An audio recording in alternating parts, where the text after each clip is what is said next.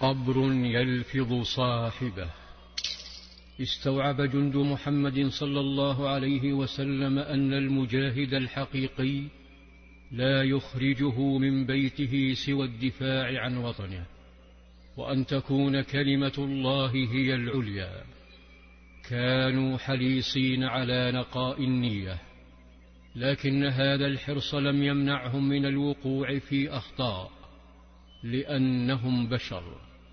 لكن أخطاءهم لا تحسب على الإسلام إنما تحسب عليهم لأن النبي صلى الله عليه وسلم كان حيا آنذاك وقد قام بتصحيح تلك الأخطاء حتى لا تبرر الأجيال القادمة ارتكابها بحجة أن صحابيا فعلها.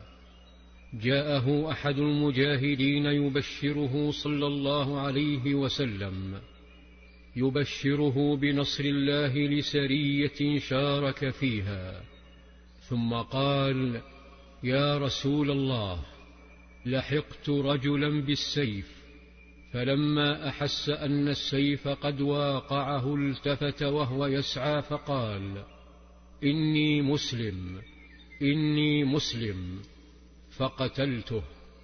وإنما كان يا نبي الله متعوذا.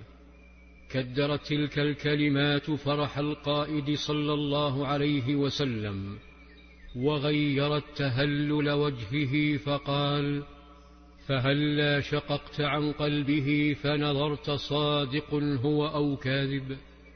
فقال المجاهد لو شققت عن قلبه ما كان يعلمني القلب هل قلبه إلا مضغة من لحم؟ فقال صلى الله عليه وسلم فأنت قتلته لا ما في قلبه علمت ولا لسانه صدقت.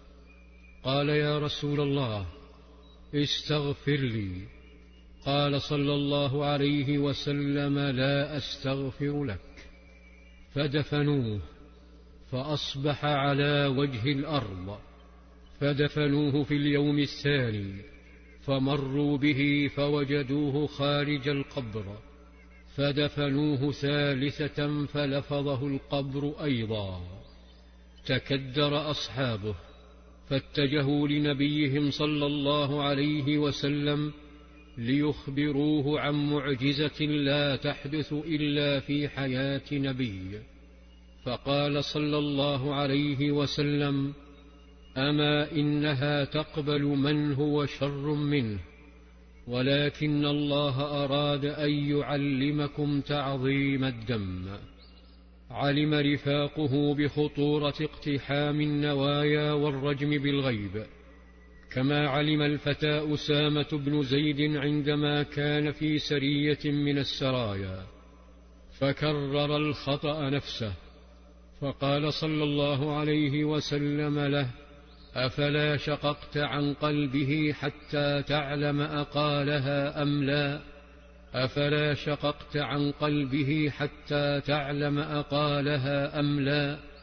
ظل صلى الله عليه وسلم يكررها حتى تمنى أسامة أنه لم يسلم إلا اليوم. لم تكن الجرأة على النوايا محصورة في ساحات الوغى. فهناك جرأة حدثت في ساعة من ساعات الود والصفاء حدثت في بيت عتبان بن مالك. في ظلال السور